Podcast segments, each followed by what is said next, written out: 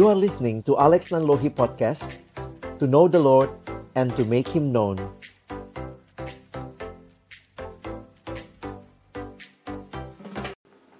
Mari berdoa sebelum kita membaca merenungkan firman-Nya.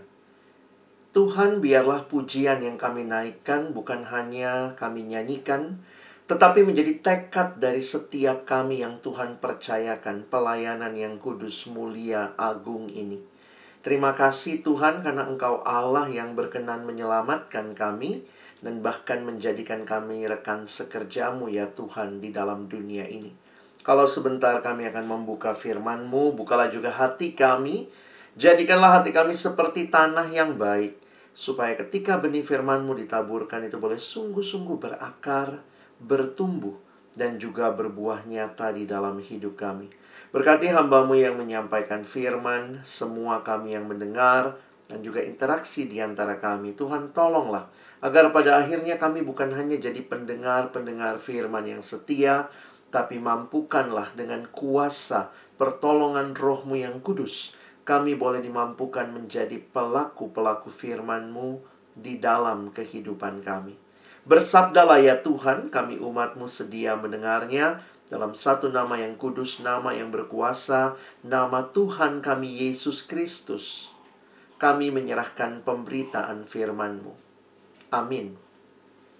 Shalom, selamat sore. Eh, masih siang ya. Selamat siang teman-teman semua.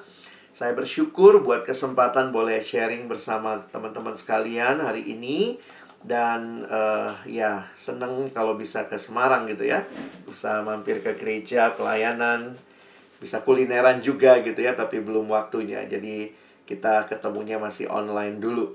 Nah ada bagian uh, ada slide yang saya siapkan untuk kita boleh ikuti siang hari ini. Dan tema level up kita adalah together we serve God. Nah teman-teman yang dikasihi Tuhan saya ingin uh, tentunya juga ya dalam waktu yang singkat ini mau kenalan juga, mau tanya apa kabar sama teman-teman sekalian ya.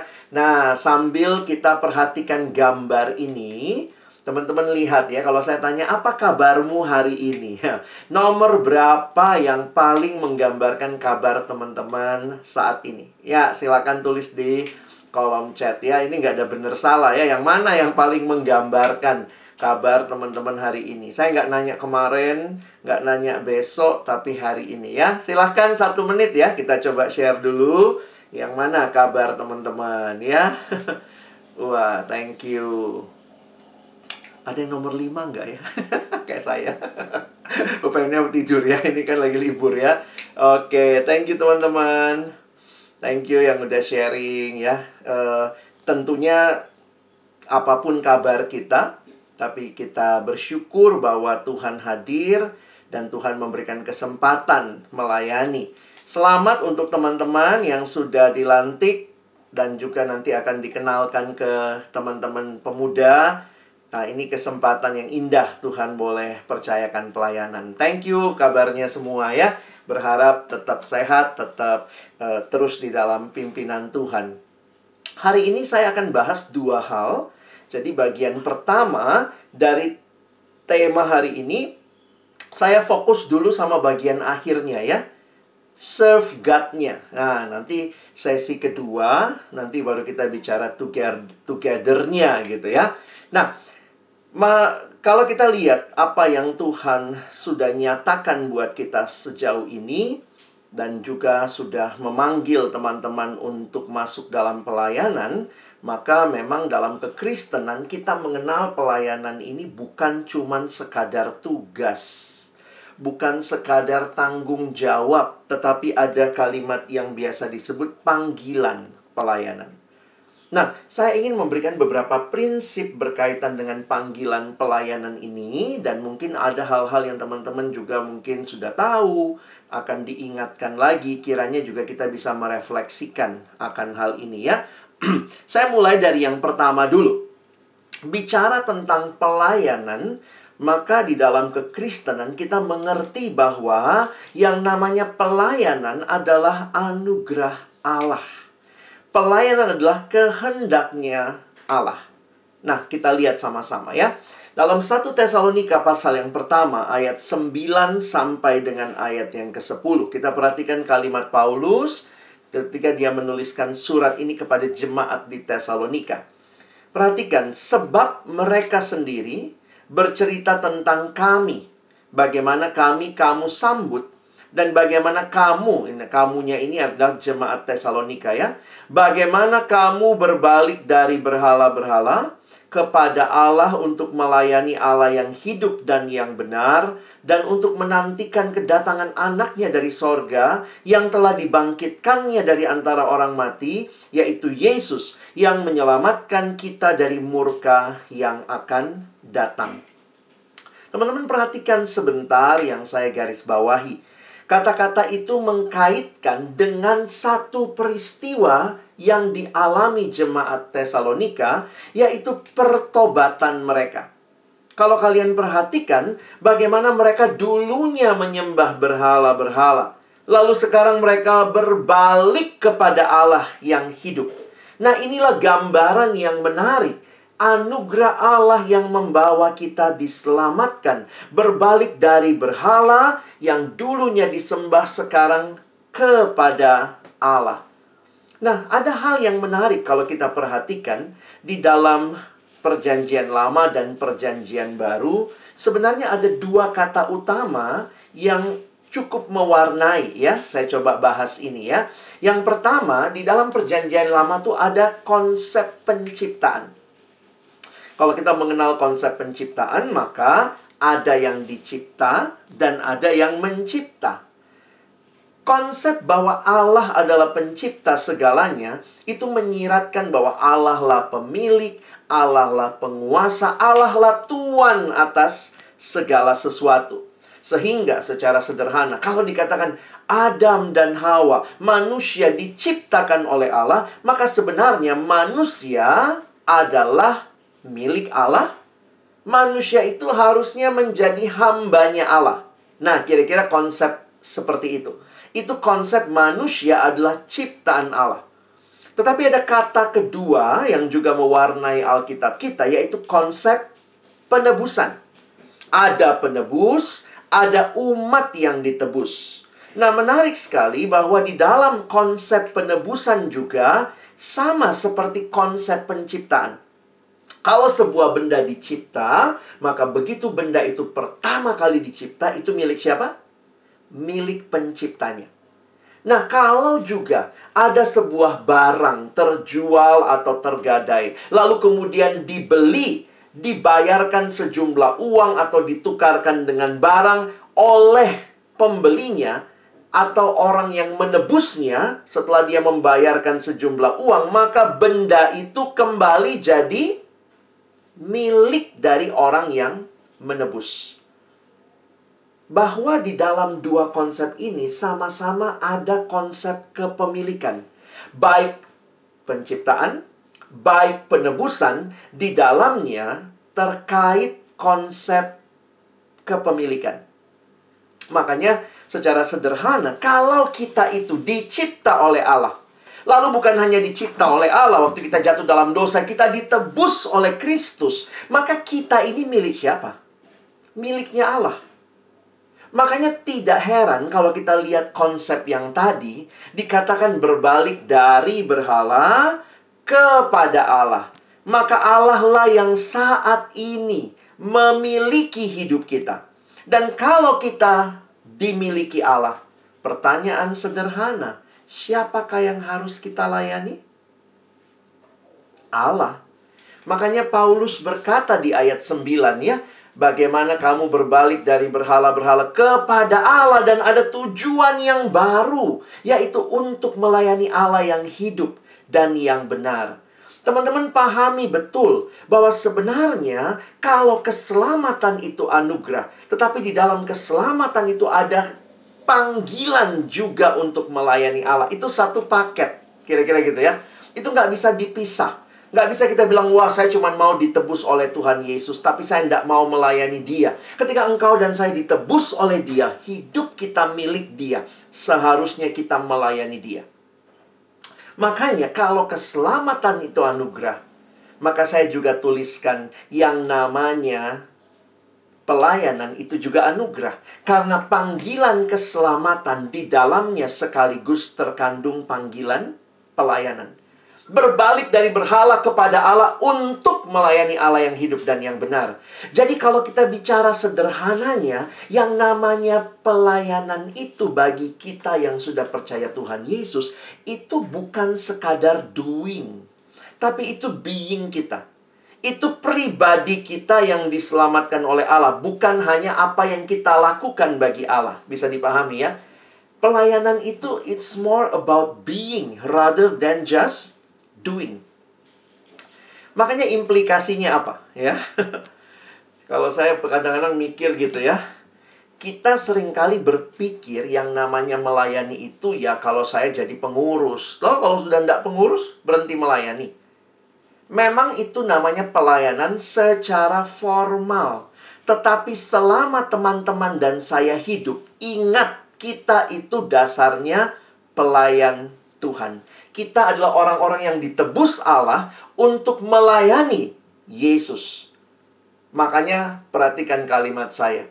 Beberapa kali saya bilang sama teman-teman pengurus, ingat ya, kalian mungkin satu waktu jadi mantan pengurus. Tetapi selama kalian hidup, kalian belum pernah jadi mantan pelayan. Bisa dipahami ya? Itu terkait dengan diri kita. Makanya kalau sudah selesai pelayanan, harusnya nanya lagi ya. Pelayanan misalnya nanti kalian sudah selesai dua tahun, maka pertanyaannya harus tanya lagi. Tuhan, di mana lagi engkau memanggil saya melayani? Karena apa? Sebenarnya seluruh hidup saya adalah pelayanan. Sehingga pelayanan, perhatikan, itu tidak terkait semata-mata dengan dengan sebuah jabatan. Ingat ya, pelayanan itu nggak terkait dengan jabatan, karena itu hidup kita. Ya, berhenti pelayanan mati namanya begitu ya. Selama kita hidup adalah kita hidup melayani Allah. Memang bentuknya bisa masuk ke pengurusan formal, bisa juga tidak. Tetapi seluruh hidup kita adalah melayani Allah. Itu harus kita hayati teman-teman. Kalau enggak, kita tuh jadi orang yang kelihatan melayani karena ada jabatan. Begitu udah nggak ada jabatan, tidak ada hati dan hidup yang melayani. Sedih banget. Saya kasih contoh ya, ini sederhana ya. Coba cari di Alkitab. Yesus pernah nggak jadi pengurus ya? Yesus pernah jadi pengurus nggak? Saya waktu cari-cari nggak ada loh. Yang jadi pengurus tuh yang Farisi. Bukan berarti yang sekarang pengurus Farisi, enggak ya. Tapi di dalam Alkitab, Yesus tidak pernah pegang jabatan fungsional pelayanan. Dia bukan pengurus sinagoge Kapernaum, pengurus sinagoge uh, Galilea. Tidak ada.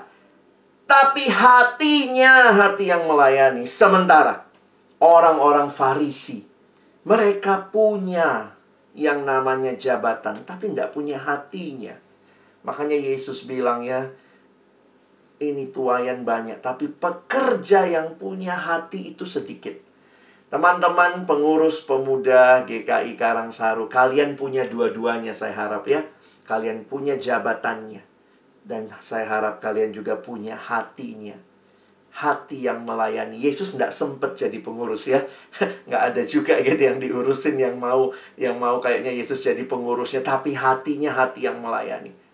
Eh jangan gara-gara ini lalu kemudian wah kata Pak Alex nggak apa-apa keluar dari pelayanan nih pada mundur ya BPH-nya bingung gitu nanti ya.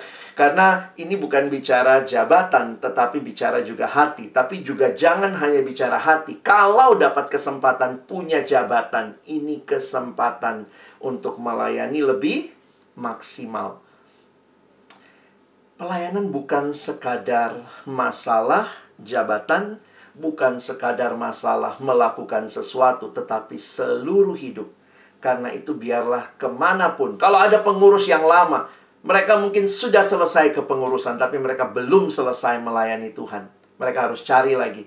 Mungkin Tuhan bilang, oh kali ini tidak masuk ke pengurusan. Oh, tidak apa-apa tetap bisa melayani, tetap bisa berdoa, melayani orang lain kan nggak butuh struktur semuanya ya. Kita tetap bisa melayani. Struktur akan menolong kita melayani lebih baik. Ada bidang satu, fokusnya apa? Ada bidang dua, fokusnya apa? Tapi sebenarnya kan semua kita sedang melayani Tuhan ya.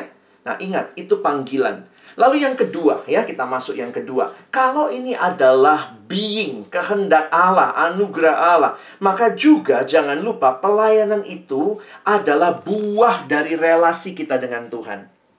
Nah, ini menarik untuk kita pahami ya. Pelayanan itu adalah buah relasi kita dengan Tuhan. Apa yang dimaksud di dalam bagian ini? Saya secara sederhana mengingat apa yang terjadi pada peristiwa ketika Marta sama Maria. Masih ingat ya? Yesus tuh jarang-jarang lewat Betania, sekalinya lewat Marta sibuk seksi konsumsi di dapur ya. Wah, Maria duduk di kaki Yesus. Siapa yang Yesus puji?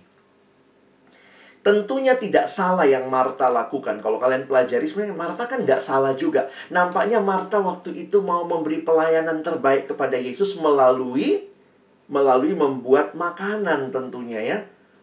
Tetapi Yesus justru memuji Maria. Dikatakan Maria telah memilih bagian yang terbaik. Sebenarnya apa masalahnya Marta? Kalau kalian perhatikan, nampaknya Marta ini ribet, teman-teman ya. Tidak salah dia masak. Tapi kayaknya kalau dari kata Yunani yang dipakai, Marta itu dikatakan menyibukkan diri dengan banyak perkara. Maksudnya apa? Sebenarnya Marta tuh bisa dengan cepat ya. Misalnya bikin telur ceplok, Udah selesai. Langsung ikutan sama Maria duduk di kaki Yesus ya. Tetapi Marta tuh sibuk di dapur. Mungkin dia mau bikin telur ceplok bentuk hati, pakai pita, pakai renda, ditaruh di atas nampan yang bagus. Itu kalimat Alkitab menyibukkan diri dengan banyak perkara.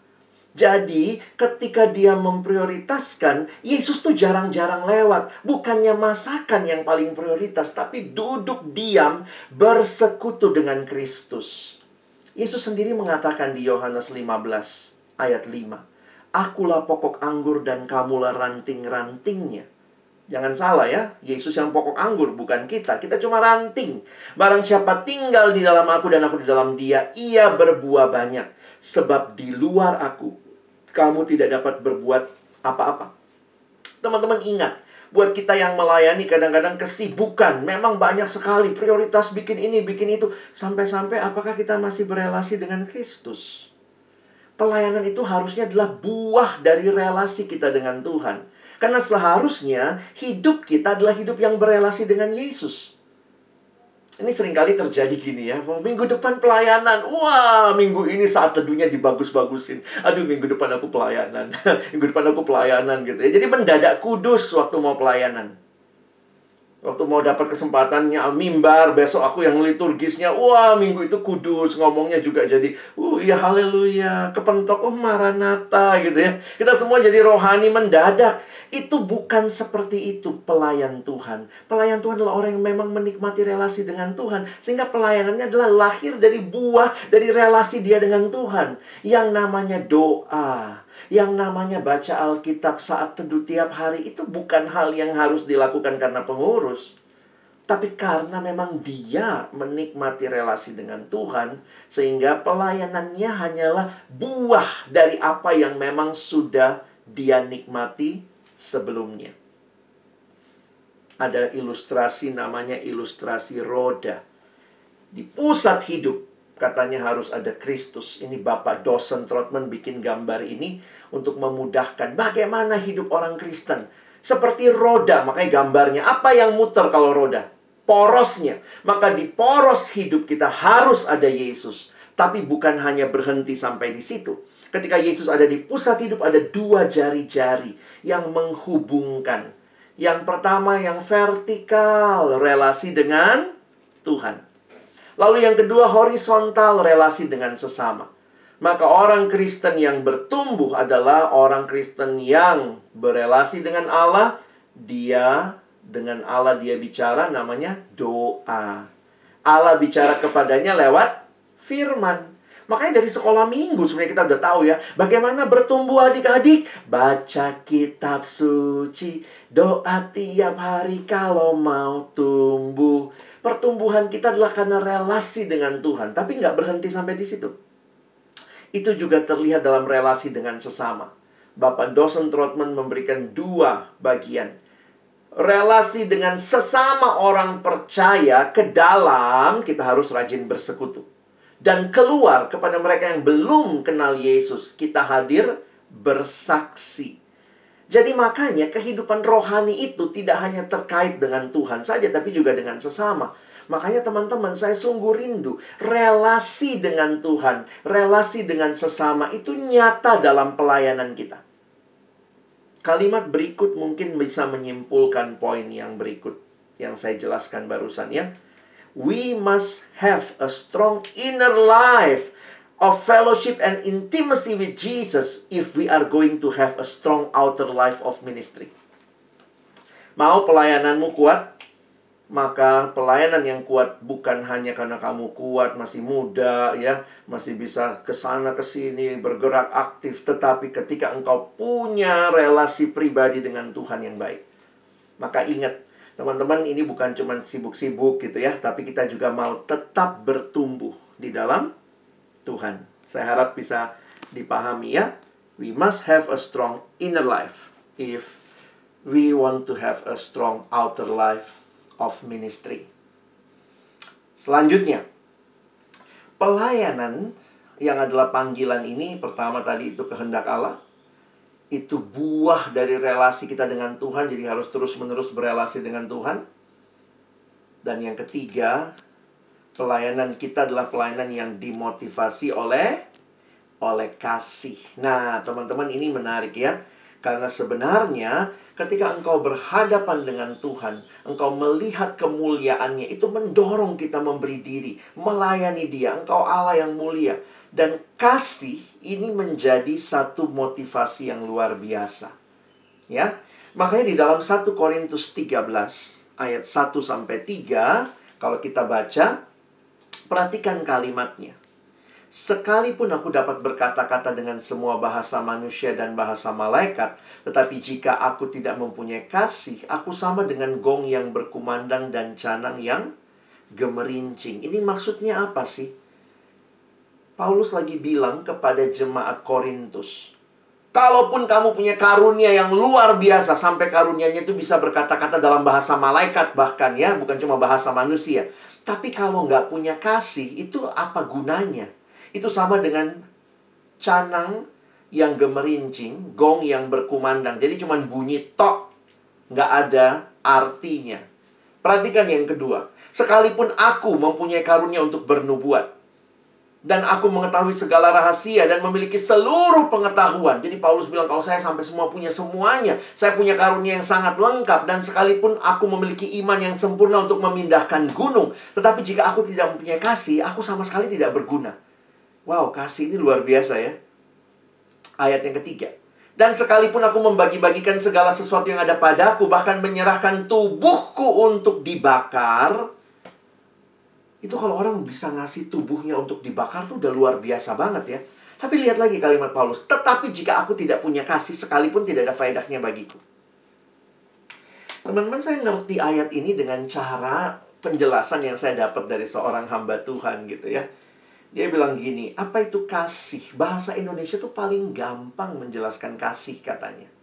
Contoh ya, saya punya botol minum. Apa itu kasih? Kasih, ya kasih. Love is giving. Kasih, ya kasih. Kasih itu bukan ngambil. Love is giving. Love is not taking, taking, taking. If love is taking, taking, taking, that is not love. That is rampoking, teman-teman. Itu ngerampok namanya.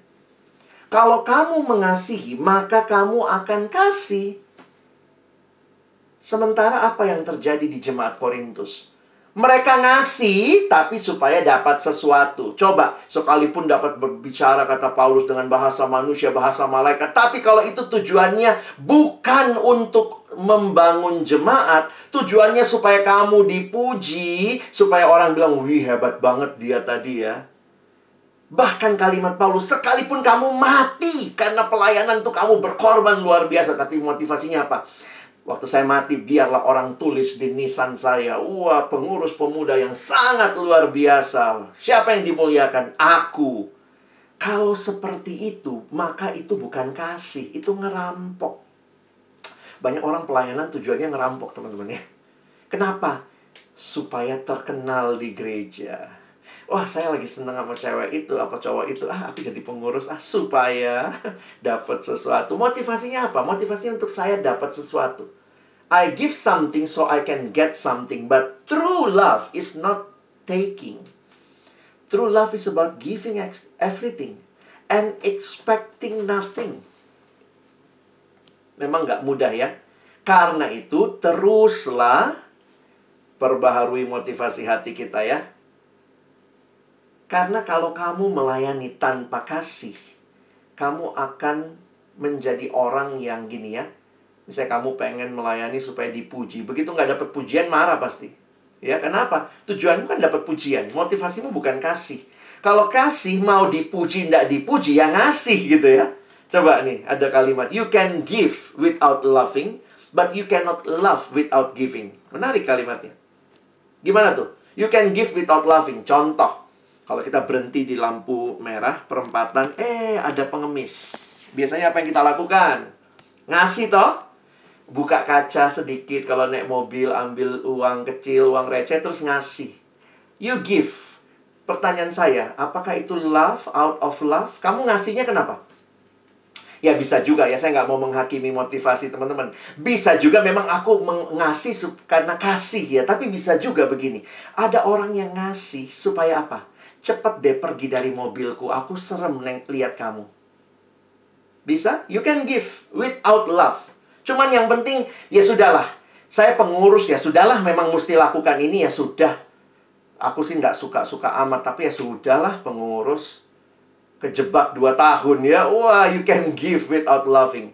But if you love, then you will give everything. You cannot love without giving. Dan di sinilah saya pikir kita tuh tidak ada yang sudah sangat sempurna motivasinya ya. Kadang-kadang di hati kita masih ada tuh. Beberapa kali tanpa sadar keluar waktu evaluasi Wah, kalau aku ndak ada tadi, ndak jalan semua ini. Wih, kalau gitu terpujilah aku. Haleluya, puji diri. Akulah segala-galanya. Tapi harusnya kita juga bisa melihat ya. Ya, kita semua melayani karena anugerah Tuhan. Tuhan pakai kita semua di bagian kita masing-masing ya. Nah, yang terakhir. Karena ini pelayanan, maka di dalamnya juga Tuhan sudah beri teladan maka dalam pelayanan ada harga yang harus dibayar. Kalau tadi kita nyanyi, menyenangkanmu, giving the best. Tuhanku mau menyenangkanmu. Tuhan bentuklah hati ini. Cemerlang bagai emas murni. Wow. Teladannya dari siapa? Sebenarnya waktu kita lihat bayar harga. Teladan Kristus lah. Teladan dalam melayani. Tuhan Yesus kalau dikatakan melayani, dia melayaninya habis-habisan.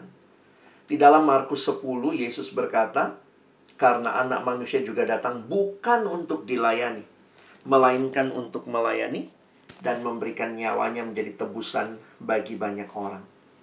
Teman-teman yang dikasihi Tuhan, Tuhan panggil kita melayani, Tuhan panggil kita memberi yang terbaik. Maka pertanyaannya, apakah kalian dan saya juga yang melayani akan menyambut panggilan ini? Yesus memberikan nyawanya. Saya pikir tidak ada sih ya dari kita yang sampai memberi nyawa. Ada nggak yang sampai memberi nyawa lewat pelayanan ini ya? Belum lah ya. Nggak ada kan yang kita dipanggil nanti kalau kamu jadi pengurus pemuda kamu sampai mati. Wah. Kita yang mungkin dipanggil memberi waktu kita ya. Pengurus ya begitu. Masuk sumnya duluan, keluarnya paling akhir misalnya gitu ya. Memberi waktu. Orang pada libur, wah kita level up begitu ya, memberi waktu, memberi pikiran, wah siang-siang kayak gini enakan tidur, drama Korea lagi banyak yang bagus begitu ya. Uh, 30 berapa lah 39 lah apalah 21 25 lah. Jadi kadang-kadang pengennya wah masih banyak yang bisa dilakukan. Tapi ya kita bayar harga. Harganya macam-macam ada yang mungkin membayar harga dengan kesenangannya ditukar dengan melayani orang lain.